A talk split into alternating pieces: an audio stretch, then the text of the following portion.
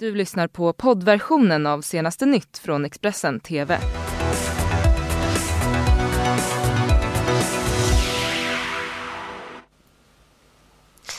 Mycket varmt välkomna ska ni vara till eh, oss på Expressen TV denna söndag den 20 oktober. Det här är våra topprubriker just nu.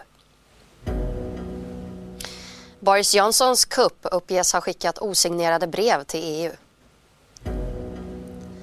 20-åring skadad efter misstänkt mordförsök i Falun. Och efter kritiken, Trump backar nu från påtänkta G7-mötet på sin golfresort. En ung man i 20-årsåldern ska ha skadats under ett pubbråk i centrala Falun under natten till söndagen.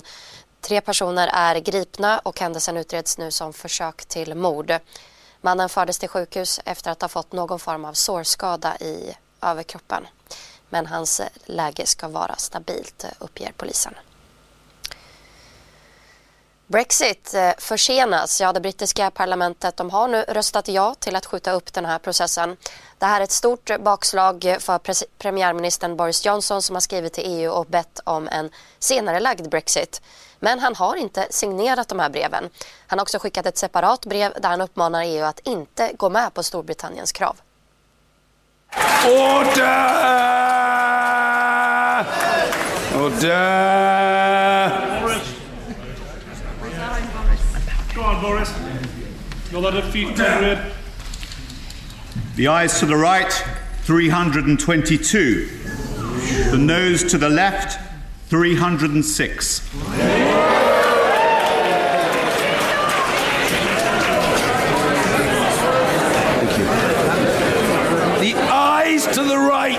322.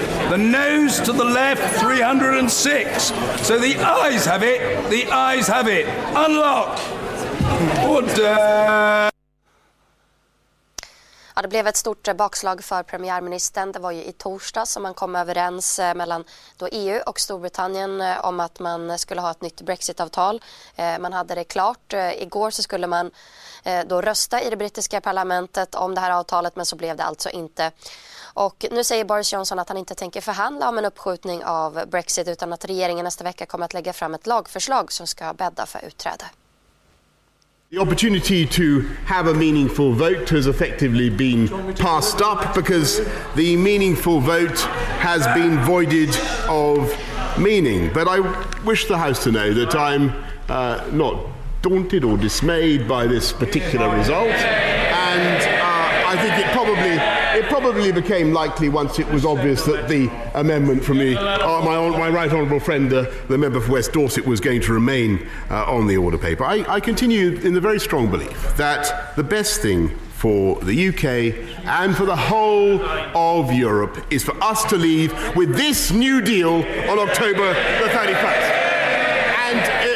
Uh, anticipate the questions that are, are coming from uh, the benches opposite, I will not negotiate a delay with the EU. And neither, and, and, and neither does the law compel me to do so. I will tell uh, our friends and colleagues in the EU exactly what I've told everyone in the last 88 days that I've served as Prime Minister that further delay would be bad for this country, bad for, the, for democracy. Och mer om de osignerade breven kan ni läsa nu på vår sajt Expressen.se. På bara kort tid så har stadsdelen Bjurhovda i Västerås drabbats av misstänkta mordbränder.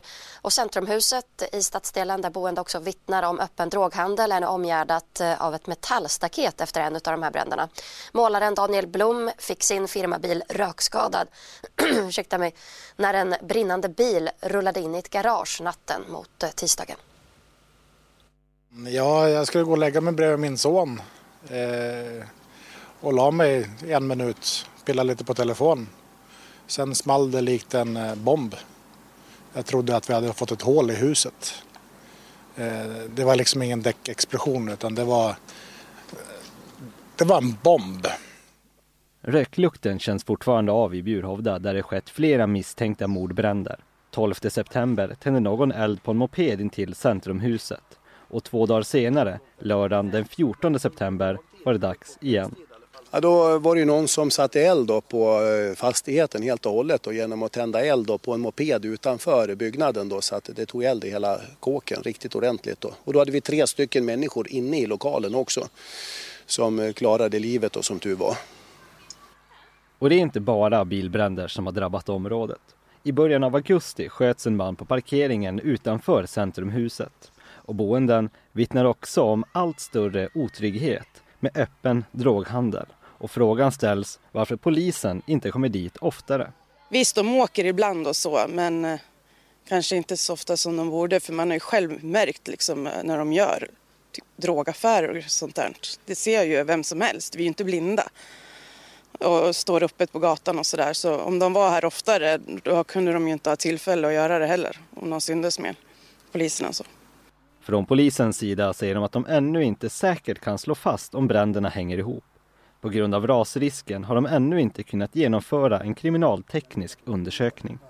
Vilka spår de arbetar med just nu vill förundersökningsledare Lena Nilsson inte gå in på. Målaren Daniel Blom, som fick sin firmabil rökskadad, han vill veta varför väljer någon eller några att tända eld på bilar och byggnader? Ja, det är ju skit. Det, det man vill fråga de som gör det är ju liksom kan ni bara tala om varför? Är det, är det så att ni är missnöjda med någonting? Ni får inget jobb eller ni har ingen fritidsgård eller är det någon som har varit dum mot er? Kan ni berätta varför man tänder på bilar? Det är så jävla onödigt. Nu ska det handla om politik. Eh, idag så är hon vice partiordförande för Moderaterna och har suttit i riksdagen sedan 2006.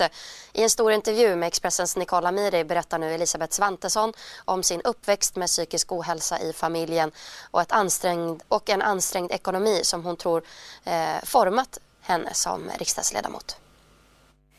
Du har i tidigare intervjuer berättat att eh, ni flyttade väldigt mycket under din uppväxt. Hur kändes det? Hur var det och, och hur påverkade det som människa? Det var ju, ibland var det roligt men det var ofta ganska tufft. Att till exempel byta från fyran, gick jag ettan, tvåan, trean, fyran i Avesta i Dalarna, upp till Lycksele, börja femman, komma helt ny till en klass, en ny situation. Det var ju inte alltid enkelt. Men tråkigt att det har påverkat den jag är idag. Att jag har lärt mig att relatera till andra människor, bygga relationer och kontakter. Så det har varit säkert både, både gett mig positiva och negativa erfarenheter, men har format mig också mycket till den jag är. Hur var din uppväxt? Alltså den var, alltså jag är yngst av fem eh, syskon. Eh, den var inte helt enkel. Eh, min pappa jobbade enormt mycket. Det fanns en del psykisk ohälsa i familjen. Eh, jag var yngst av fem, men inte en bortskämd lilla syster utan har nog eh, under åren eh, tagit stort ansvar för mig själv väldigt, väldigt tidigt. Både för att eh, det fanns alltid mat på bordet naturligtvis, även om man helst bara skulle ta en ostskiva på mackan, det var ganska ansträngd ekonomi, så har jag ändå liksom fått sköta mig själv rätt mycket. Och det tror jag också har påverkat eh, den jag är. Och att det ändå har gått bra beror också på att jag har vågat göra saker, för jag började tidigt med att våga saker. Du nämner att det, var, det fanns psykisk ohälsa inom familjen. Hur, hur var det att växa upp med det? Men man, I mitt fall så handlar det om att man också anpassar sig som barn till den situationen. Att man tar kanske större ansvar för sitt eget, sitt eget liv. Jag tog tidigt stort ansvar för min skolgång. Eh, jag har aldrig egentligen blivit uppmuntrad att plugga vidare eller sådär, men jag har gjort det. Jag har älskat böcker. Vi är på ett bibliotek nu. Och det handlar ju om att jag, jag flydde ibland in i böckernas värld, i biblioteket i Avesta när jag var liten, eller sen i studier också. Eh, så det har ju betytt mycket. Men eh, att växa upp i en familj där, där det finns psykisk ohälsa gör också att man, att man dels känner av det mycket men också får ta ansvar själv. Hur såg folk på detta runt omkring? Jag, jag kan tänka mig att stigmat var större när du växte upp. Jag tror inte att det var så känt. Eh, det här var kanske mer i, i familjerna än att det var så väldigt känt. Däremot så den som såg mig som liten, ettan, tvåan, trean i Avesta, såg mig ofta gå omkring på stan, hitta på saker. Jag gick in i butiker och hjälpte till. jag vet att jag fick jobba på buketten i Avesta och slå in blommor och slå in pengar i kassan väldigt tidigt. Eh, så jag, jag sökte mig ju till andra vuxna och både i kyrkan och runt om så fanns det ju alltid vuxna som, som har betytt mycket för mig. Och fler klipp från den här intervjun hittar ni såklart på vår sajt eh, Expressen.se. Vi går vidare. Turkiska myndigheter uppger nu att eh, 41 personer som rymt ur kurdiska fångläger har återtagits i fångenskap. Där uppger nyhetsbyrån AP. Beskedet kommer eh, efter att hundratals IS-fångar lyckades fly i samband med den turkiska offensiven tidigare i veckan. Samtidigt så har 37 skadade evakuerats eh, från sjukhuset i staden Ras Al uppger SDF. Expressens eh, Kazem Hamadeh rapporterar från Urfa i Turkiet. Klockan fem på söndag morgon så har det gått 40 timmar sedan vapenvilan mellan Turkiet och den kurdledda Syriens demokratiska styrkor trädde i kraft. Då är det 80 timmar kvar. Redan nu så hotar Turkiet om inte Syriens demokratiska styrkor drar sig tillbaka från det området som Turkiet vill upprätta en buffertzon i så kommer Turkiet att återuppta sin militära operation Fredens källa. Turkiets försvarsminister sa att de kommer att krossa den kurdledda Syriens demokratiska styrkor om de inte lämnar de områden som, nu, som de nu kontrollerar. Från staden Raslain, jag har idag besökt gränsen till staden Raslain, den syriska staden som är omringad av eh, turk turkiska trupper och även besökt staden Suruj, andra sidan staden Kobani. Från Raslain så har det rapporterats sporadiska, om sporadiska skottlossningar och enstaka explosioner. Men sam, samtliga involverade säger att vapenvilan håller. Från Raslain så har Syriens demokratiska styrkor tills, tillsammans med, eh, med, eh, med kurdiska eh, Röda solen, motsvarande Röda korset, kunnat evakuera 37 skadade från sjukhuset Rouge i Raslain. Den kurdiska, eh, den Röda solen, eh, har eh, kunnat registrera eller dokumentera 186 skadade och 72 döda bara i Raslain. Jag har varit i kontakt med folk som bor i Al-Hasaka. Folk är mycket oroliga. De vet inte vad som kommer att hända i framtiden. De vet inte vad som kommer att hända efter att de här 80 timmarna av vapenvilan som är kvar har gått.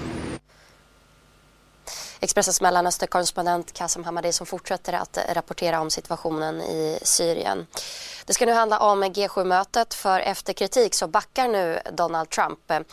USA de är nämligen värd för nästa års eh, G7-möte och presidenten valde då att Eh, Eh, sin egen golfresort i Miami, Florida för det här ändamålet. Men det här beslutet har mött eh, skarp kritik och nu har Trump ändrat sig. På Twitter så uppger nu han att eh, mötet kommer att hållas på en annan plats och anledningen är citat på grund av medias och demokraternas irrationella fientlighet så kommer vi inte längre att se Trump National Doral i Miami som ett alternativ för G7-mötet.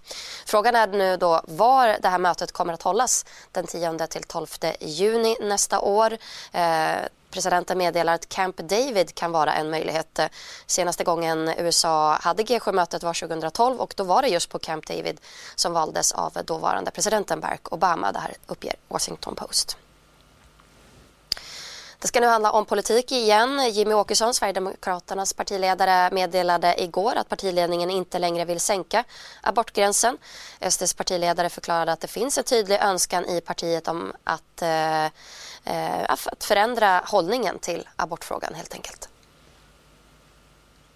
Det var alltså på scen i Norrköping på SD kvinnors höstkonvent som Jimmy Åkesson bland annat tog upp abortfrågan och då helt enkelt sa att partiet kommer slopa kravet på att sänka aborten från 18 till 12 veckor som blev en väldigt stor diskussion och eh, väckte många reaktioner då inför valet när man pratade en hel del om den här frågan och eh, Jimmy Åkesson säger själv att eh, han står bakom det här förslaget. Han kommer rösta för helt enkelt att slopa det här partikravet då på partistämman nästa månad och eh, han säger även att det han är en av de som har drivit det här och han utvecklade även eh, sin eh, tankegång lite mer i en enskild intervju.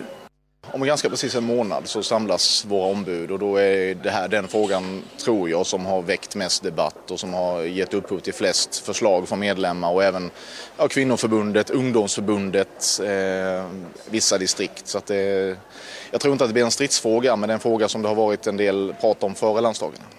Och i eftervalsanalysen var skriven att det kan ha varit en fråga som ni tappade procentenheter på. Är det försök att få nya väljargrupper och locka till sig fler kvinnor? I grunden så hävdar jag att det är en anpassning till partiet är ett mycket större parti idag än vad det var när den här hållningen en gång för länge sedan diskuterades och beslutades. Jag kan inte minnas, jag har verkligen tänkt efter, men jag kan inte minnas att den här frågan har varit uppe till någon, någon djupare diskussion på någon högre nivå i partiet på ganska många år. Eh, och partiet har växt väldigt mycket. Jag hävdar att det är dags att vi, att vi lyfter frågan igen och att döma av förslagen från medlemmarna nu inför landsdagarna så finns det en sån önskan också i partiet. Vi fortsätter här i Expressen TV att leverera senaste nytt. Eh, vill ni ha sällskap av oss så fortsätt tittar vi strax tillbaka med fler nyheter. Du har lyssnat på poddversionen av senaste nytt från Expressen TV. Till förordnad ansvarig utgivare är Klas Granström. Ett poddtips från Podplay.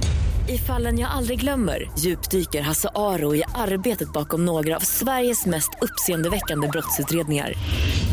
Går vi in med hemlig telefonavlyssning och, och då upplever vi att vi får en total förändring av hans beteende. Vad är det som händer nu? Vem är det som läcker? Och så säger han att jag är kriminell, jag har varit kriminell i hela mitt liv men att mörda ett barn, där går min gräns. Nya säsongen av Fallen jag aldrig glömmer på Podplay.